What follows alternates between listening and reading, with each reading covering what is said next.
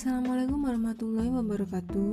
Perkenalkan, saya Angelita Putri Dewi dari S1 Keperawatan di Stikes Kepanjen Di podcast aku kali ini, aku akan membahas tentang aplikasi keperawatan transstruktural dalam, dalam berbagai masalah kesehatan pasien dan sepanjang daur kehidupan. Yang pertama, definisi dari keperawatan transstruktural yaitu Pengertian transstruktural bila ditinjau dari makna kata transstruktural berasal dari trans dan kultur. Trans yang berarti perpindahan atau jalan lintas atau penghubung. Sedangkan kultur berarti sesuatu yang berkaitan dengan kebudayaan. Jadi dapat diartikan transstruktural merupakan sebagai lintas budaya yang mempunyai efek bahwa budaya yang satu mempengaruhi budaya yang lainnya atau juga pertemuan kedua nilai-nilai budaya yang berbeda melalui proses interaksi sosial.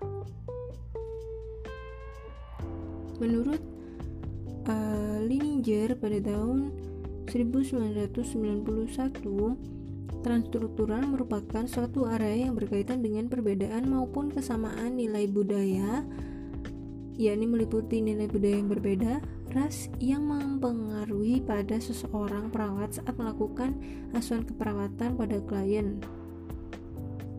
Ada arti lain juga transstruktural nursing adalah suatu area atau wilayah keilmuan budaya pada proses belajar dan praktik praktik keperawatan yang fokus memandang perbedaan dan kesamaan di antara budaya dengan menghargai asuhan sehat sakit didasarkan pada nilai budaya manusia, kepercayaan, dan tindakan. Selanjutnya adalah tujuan dari penggunaan keperawatan transstruktural. Dengan adanya keperawatan transstruktural dapat membantu klien beradaptasi terhadap budaya tertentu yang lebih menguntungkan kesehatannya. Perawat juga dapat membantu klien agar dapat memilih dan menentukan budaya lain yang lebih mendukung peningkatan status kesehatan. Misalnya, klien yang sedang hamil mempunyai pantangan untuk makan makanan yang berbau amis seperti ikan, maka klien tersebut dapat mengganti dengan sumber protein nabati yang lainnya serta seluruh perencanaan dan implementasi keperawatan dirancang sesuai dengan latar belakang budaya sehingga budaya dipandang sebagai rencana hidup yang lebih baik. Yang selanjutnya adalah konsep dalam keperawatan transstruktural. Di sini adalah ada beberapa poin. Yang pertama adalah budaya, yaitu norma atau tindak aturan tindakan dari anggota kelompok yang dipelajari dan dibagi serta memberi petunjuk dalam berpikir, bertindak dan mengambil keputusan. Yang kedua, nilai budaya merupakan keinginan individu atau tindakan yang lebih diinginkan atau sesuai dengan tindakan yang dipertahankan pada suatu waktu tertentu yang melandasi tindakan dan keputusan. Selanjutnya perbedaan budaya dalam ASKEP merupakan bentuk eh, yang optimal dari pemberian ASKEP mengacu pada kemungkinan variasi pendekatan keperawatan yang dibutuhkan untuk memberikan asuhan ke budaya yang menghargai nilai budaya individu, kepercayaan, dan tindakan. Yang berikutnya adalah etnosentris yaitu di antara budaya yang dimiliki oleh orang lain adalah persepsi yang dimiliki oleh individu yang beranggapan bahwa budayanya adalah yang terbaik. Berikutnya adalah etnis berkaitan dengan manusia dan dan dari ras tertentu atau kelompok budaya yang digolongkan menurut ciri dan kebiasaan yang lazim. Selanjutnya adalah ras, yaitu perbedaan macam manusia didasarkan pada mendiskreditkan asal muasal manusia. Selanjutnya adalah etnografi, ilmu yang mempelajari tentang budaya. Selanjutnya adalah care, yaitu fenomena yang berhubungan dengan bimbingan, bantuan, dukungan perilaku pada individu, keluarga, kelompok dengan adanya kejadian atau memenuhi kebutuhan baik aktual maupun potensial untuk meningkatkan kondisi dan kualitas kehidupan manusia. Selanjutnya adalah caring, yaitu tindakan langsung yang diarahkan untuk membimbing, mendukung, dan mengarahkan individu, keluarga, ataupun kelompok pada keadaan yang nyata atau antisipasi kebutuhan untuk meningkatkan kondisi kehidupan manusia. Selanjutnya adalah kultur care yaitu berkenaan dengan kemampuan kognitif untuk mengetahui nilai, kepercayaan, dan pola ekspresi yang digunakan untuk membimbing.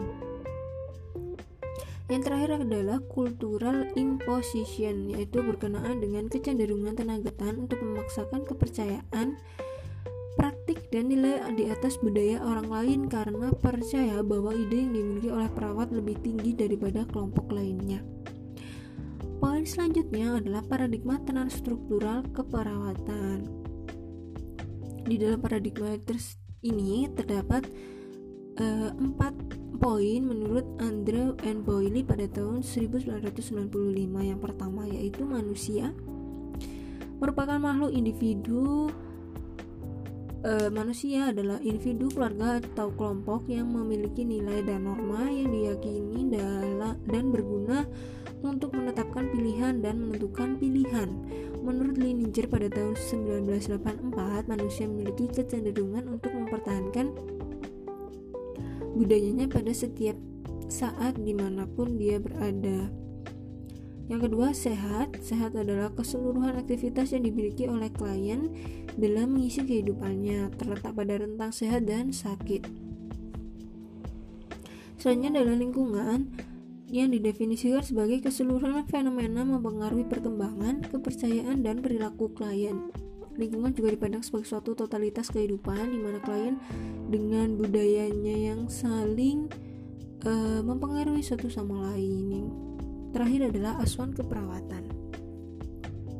Keperawatan atau asuhan keperawatan adalah suatu proses atau rangkaian kegiatan pada praktik keperawatan yang diberikan kepada klien sesuai dengan latar belakangnya. Di sini ada tiga. Yang pertama perlindungan atau memper ada tiga strategi. Yang pertama perlindungan atau mempertahankan budaya. Jadi di sini uh, budaya yang dimiliki oleh klien itu uh, dikembangkan karena budaya tersebut dapat meningkatkan atau mempertahankan status kesehatannya. Semisal budaya olahraga. Kemudian yang strategi kedua yaitu mengakomodasi atau menegosiasi budaya. Jadi, di sini perawat membantu klien agar dapat memilih uh, menentu dan dan menentukan budaya yang lain yang lebih mendukung kesehatannya saat itu. Seperti uh, tadi saat ibu hamil yang tidak bisa uh, mem memiliki pantangan untuk memakan makanan yang berbau amis, jadi bisa diganti dengan uh, protein yang lainnya. Kemudian strategi yang ketiga mengubah atau mengganti budaya klien. Uh, hal ini seperti mengganti pola kehidupan klien yang dapat mempengaruhi kesehatannya seperti merokok begitu minum minuman alkohol dan lain sebagainya kemudian yang selanjutnya adalah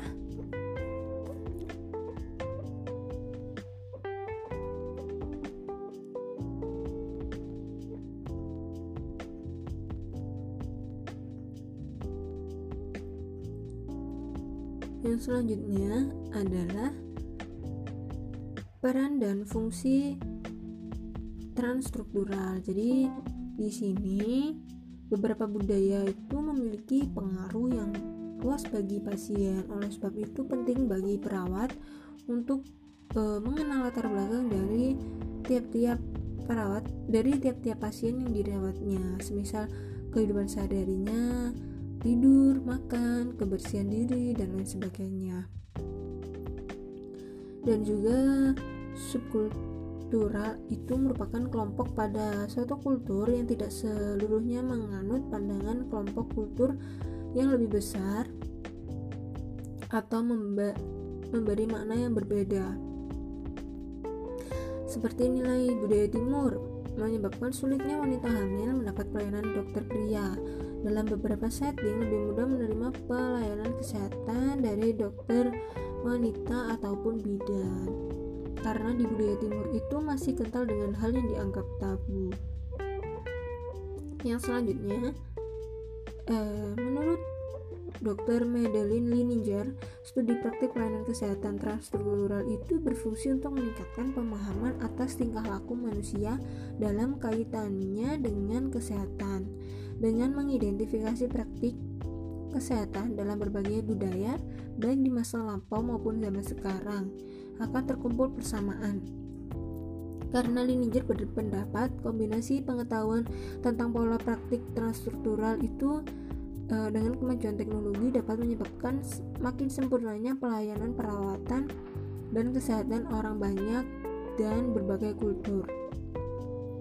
Di sini, uh, beberapa hal yang berhubungan dengan kesehatan itu menurut budaya yang ada di Indonesia ada berbagai macam seperti cara pengobatannya atau caranya mereka menanggapi kondisi sakit.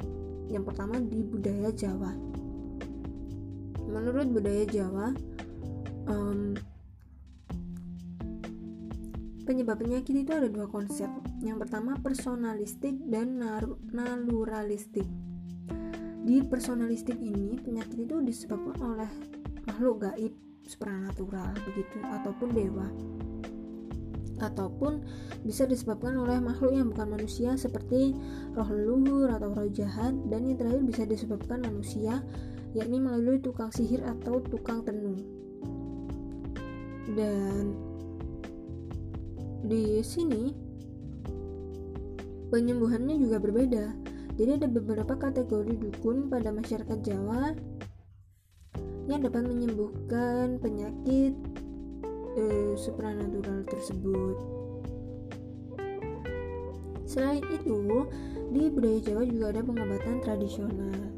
Jadi dengan cara eh, menggunakan tumbuh-tumbuhan serta buah-buahan yang bersifat alami seperti daun dadapan sebagai penurun panas dengan cara ditempelkan di dahi.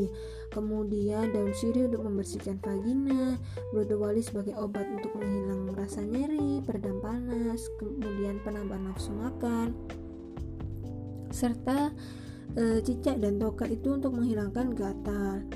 Ini tidak hanya itu saja tetapi ada banyak sekali contohnya. Kemudian Misalnya adalah budaya dari Batak.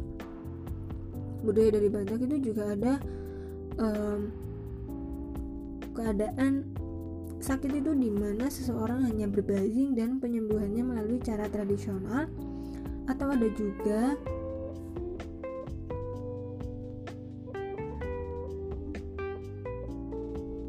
yang membawa orang tersebut ke dukun atau orang pintar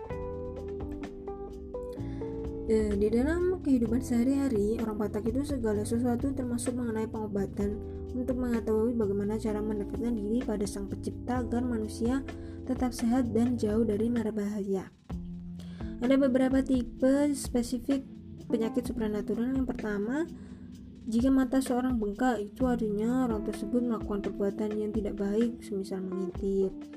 Cara menyembuhkannya dengan e, mengoleskan air sirih Yang selanjutnya tidak cocok nama atau keberatan nama sehingga dapat membuat orang tersebut sakit. Ya, solusinya dengan nama orang tersebut.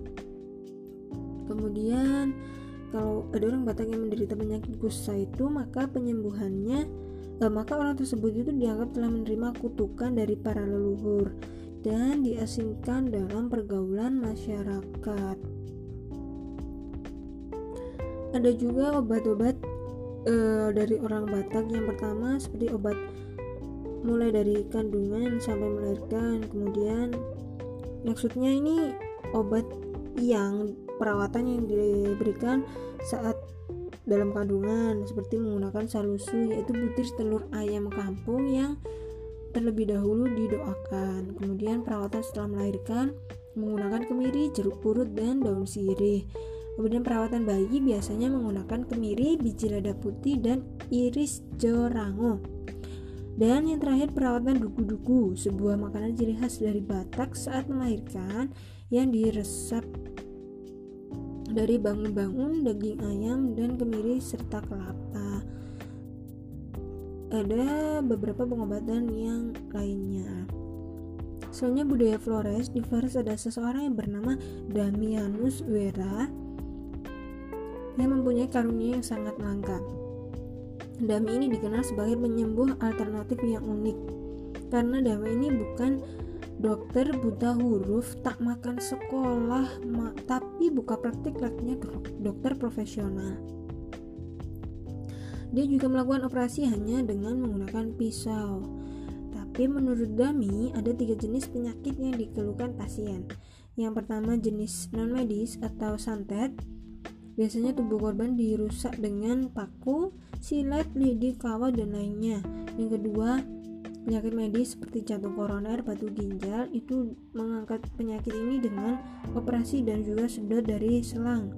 Yang ketiga penyakit psikologis, misalnya stres dan lainnya. Dami menging mengingatkan kunci sehat itu sebenarnya ada di pikiran yang sehat. Sebaliknya pikirannya ruwet, penuh beban dan tekanan justru pemicu munculnya penyakit dalam tubuh manusia. Ada tujuh metode yang digunakan oleh Damini. Yang pertama berdoa, kemudian air putih, kapsul ajaib, pijat refleksi, suntik telur ayam, dan operasi atau bedah. Kemudian selanjutnya adalah proses keperawatan transstruktural. Menurut Andre N. Boyle pada tahun 1995 ada empat tahapan yaitu pengkajian, diagnosa, perencanaan, pelaksanaan dan evaluasi oh, ada lima ternyata ya yang pertama adalah pengkajian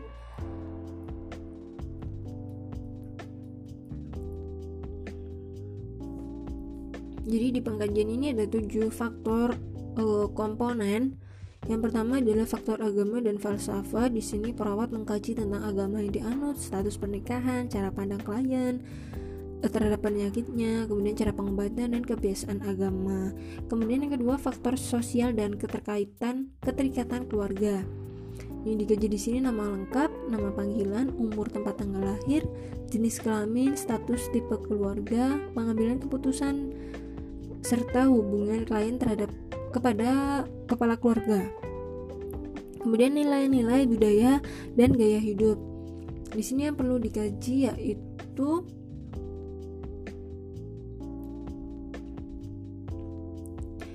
posisi dan jabatan yang dipegang oleh kepala keluarga. Yang adalah faktor kebijakan dan peraturan yang berlaku. Yang perlu dikaji peraturan dan kebijakan yang berkaitan dengan jam berkunjung, jumlah anggota keluarga yang boleh menunggu, serta cara pembayaran untuk klien. Yang selanjutnya adalah faktor ekonomi. Di sini dikaji pekerjaan klien, sumber biaya pengobatan, tabungan yang dimiliki oleh keluarga, biaya dari sumber lain, semisal dari asuransi atau pengganti biaya dari kantor ataupun patungan dari anggota keluarga. Selanjutnya adalah faktor pendidikan. Yang perlu dikaji di sini adalah tingkat pendidikan klien, jenis pendidikan, serta kemampuan untuk belajar secara aktif mandiri. Selanjutnya adalah diagnosa keperawatan.